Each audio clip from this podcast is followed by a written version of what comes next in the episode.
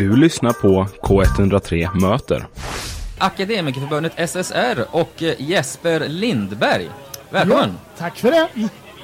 Hur, eh, hur har ni det nu då, de här första timmarna på Frihamnsdagarna? Jo, men här har varit mycket eh, gymnasieelever som har kommit förbi och pratat med oss om värdet av demokrati och liknande. Ja, okej. Så, eh, Har, det du fått någon, eh, har du fått någon bild än så länge av målgruppen, vilka som är här? Nej, inte riktigt. Jag tycker det är väldigt blandat, vilket är eh, riktigt roligt att se. Att det är mycket studenter, men det är mycket från eh, hela staden helt enkelt. Ja. Men är ni här för att varva medlemmar i princip eller? Vi är ju här utifrån eh, det temat man har på Frihamnsdagen, att man vill prata om framtid och i det sammanhanget vi- vill vi som ett fackförbund prata om fackets roll i framtiden. Vi kan ju se hur eh, anslutningsgraden, alltså hur stor del av befolkningen som är med i ett fackförbund sjunker och sjunker. eh, Ja, det är I så. Sverige i stort. För Akademikerförbundet SSR så har vi en, en annan trend så att säga. Vi, vi går uppåt men på totalen minskar det och det, det blir vi oroliga för helt enkelt. För vi ser hur vikten av både facklig organisering går liksom hand i hand med demokratin. Och vi kan ju börja där då. Varför är det viktigt att vara med i facket? Ja, facket finns ju till för att hjälpa dig och stötta dig eh, i händelse av att din chef eller arbetsgivare inte är så snäll kanske. Eh, och att man tillsammans eh, tillsammans blir starkare liksom, som ett kollektiv kan agera och efterfråga löneförhöjningar, trycka på i arbetsmiljöfrågor, eh, få till bättre avtal helt enkelt. Mm. Hur, hur är anslutningsgraden i Sverige? Har du koll på det generellt sådär? Hur många som är anslutna av de, alla som är anställda om vi tänker? Ja, jag minns inte exakt siffrorna men det har gått neråt på totalen. Ja, okej. Helt klart. Hur, eh, hur tänker man då inför framtiden? Hur ska man liksom angripa det? Vad gör ni för att vända den utvecklingen? Ja, alltså- Eller trenden kanske man ska säga. Akademikerförbundet SSR är ju ett fackförbund som gärna tar ställning i många frågor. Vi trycker på, i, dels är vi på liksom, ehm, regeringsmakten och riksdagspolitiker och påverkar lagstiftning. Ehm, vi har ju många medlemmar inom socionomsvängen och beteendevetare och liknande som jobbar i offentlig sektor. Och då blir det viktigt för oss som, ehm, som en organisation att eh, liksom, ligga på eh, lagstiftarna helt enkelt. Eh, sen tar vi ju ställning även i många andra frågor. Alltså, vår, vår, vårt kansli står varje onsdag sedan eh, Putins Ryssland invaderade Ukraina står de utanför ryska ambassaden och demonstrerar mot det kriget. Eh, Vi har en solidaritetsfond där en del av våra medlemspengar och alla tvistepengar vi får in eh, går till eh, solidaritetsarbete i tredje världen för att öka fackligt engagemang där. Eh, Så jag skulle säga att vi gör väldigt mycket och vill göra ännu mer. Ja. Jag tänkte på det, jag har ju några kompisar som är socionomer och min bild är ju att det är ett extremt slitigt yrke.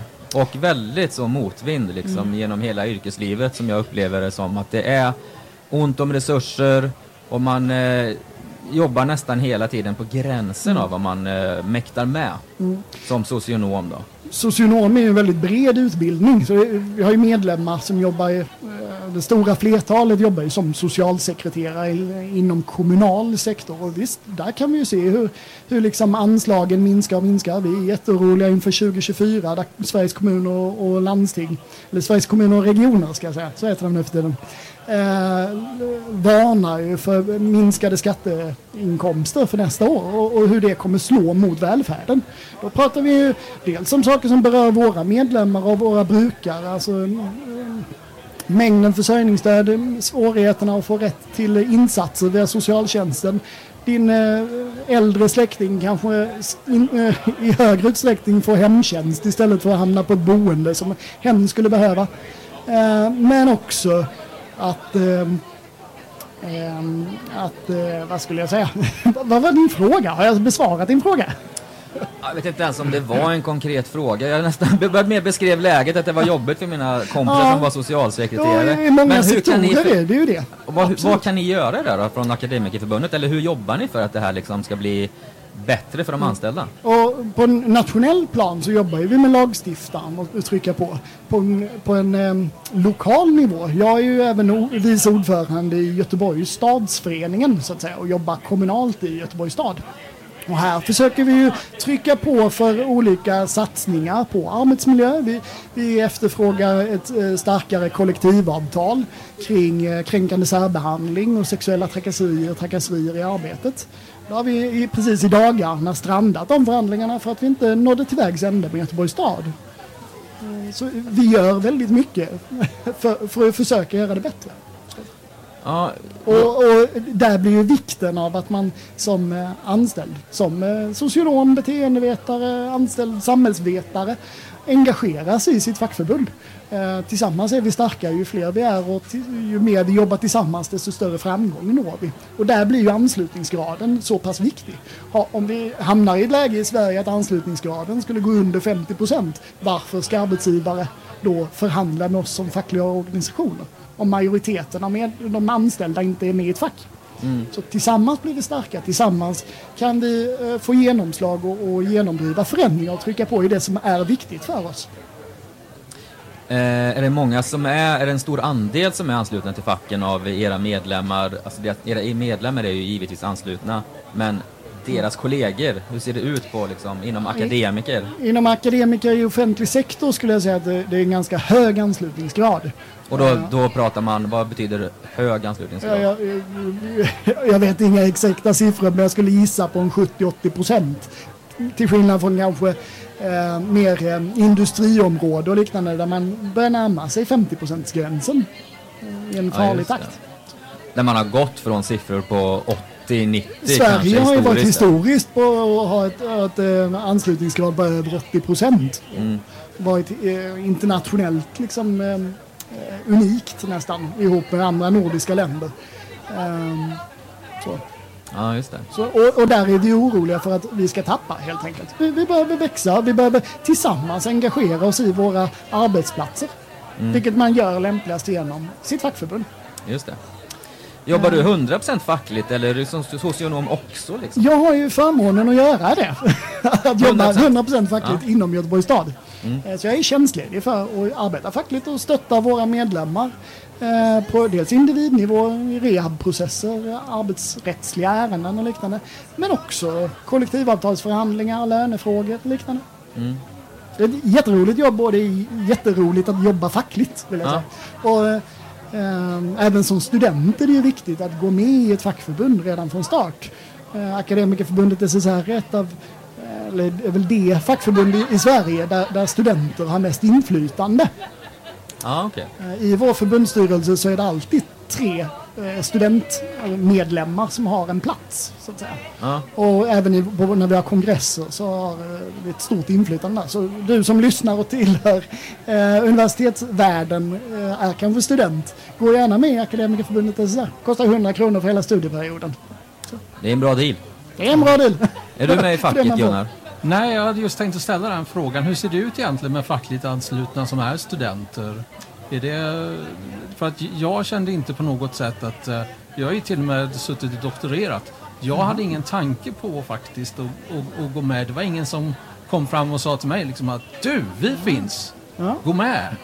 Nähä, det, det, det, min bild är det är väldigt mycket sånt eh, att man är ute på mässor Ja. eh, vid eh, universitetsstarten. Liksom, jag, våra, vi har ju anställda studentinformatörer på Akademikerförbundet SSR som är på universitetet Okej. nu de här dagarna när studenterna kommer. Liksom. Och man ger information, pratar om vikten av facket. Så.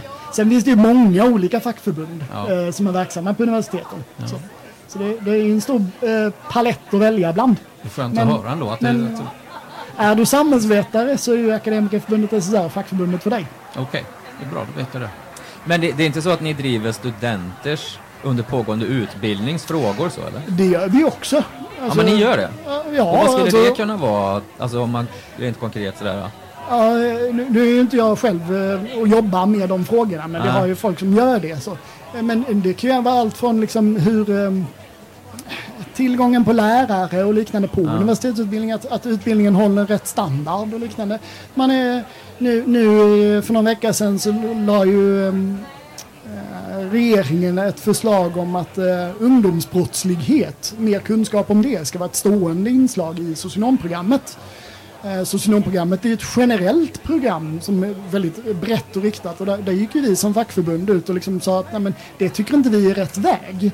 Eh, ja, det kan väl vara bra att satsa på utbildning inom ungdomsbrottslighet men gör det i form av en masterutbildning. Det ska vara till, eller, att utökade kunskaper som man behöver där ute. Ute i våra förorter och Ja, annars kommuner tänker jag att det låter lite fluffigt sådär. Det är, sådär, det är en fråga som är högt på agendan. Det är det ju. Har den halkat in då som en, typ en grundläggande del i utbildningen på socionomprogrammet? Nej, utan det, det, det är ett förslag? det, är ett förslag från regeringen att det ska göra det. Ja. Och där har ju vår förbundsordförande Heike Erkers gått ut eh, i media, eh, både på SVT och i debattartiklar och liknande, eh, hur vi ställer oss i den frågan. Ja, och jag kan tänka mig att den redan finns som en del i utbildningen att prata om ungdomsbrottslighet om man utbildar sig till socionom. Till viss del, ja. Ja. Så, Det har varit märkligt annars. ja. Men samtidigt så är det ju en generalistutbildning där du ska kunna jobba med allt från, från vaggan till graven så att säga. Ja. Eh, Och att ha stående moment då som bara fokuserar på ungdomsbrottslighet när eh, en stor del av de som genomgår programmet inte kommer jobba med de frågorna. Det kan ju Nej, vara fel väg att gå så att säga. Mm. Eh, Om vi vill kunna behålla fokus inom äldrevården exempelvis eller funktionshinderområdet. Just det. Eh, Ja. Jag tycker att det var kul att du var här Jesper och Jesper Lindberg alltså från Akademikerförbundet SSR som är här under Frihamnsdagarna. Ja,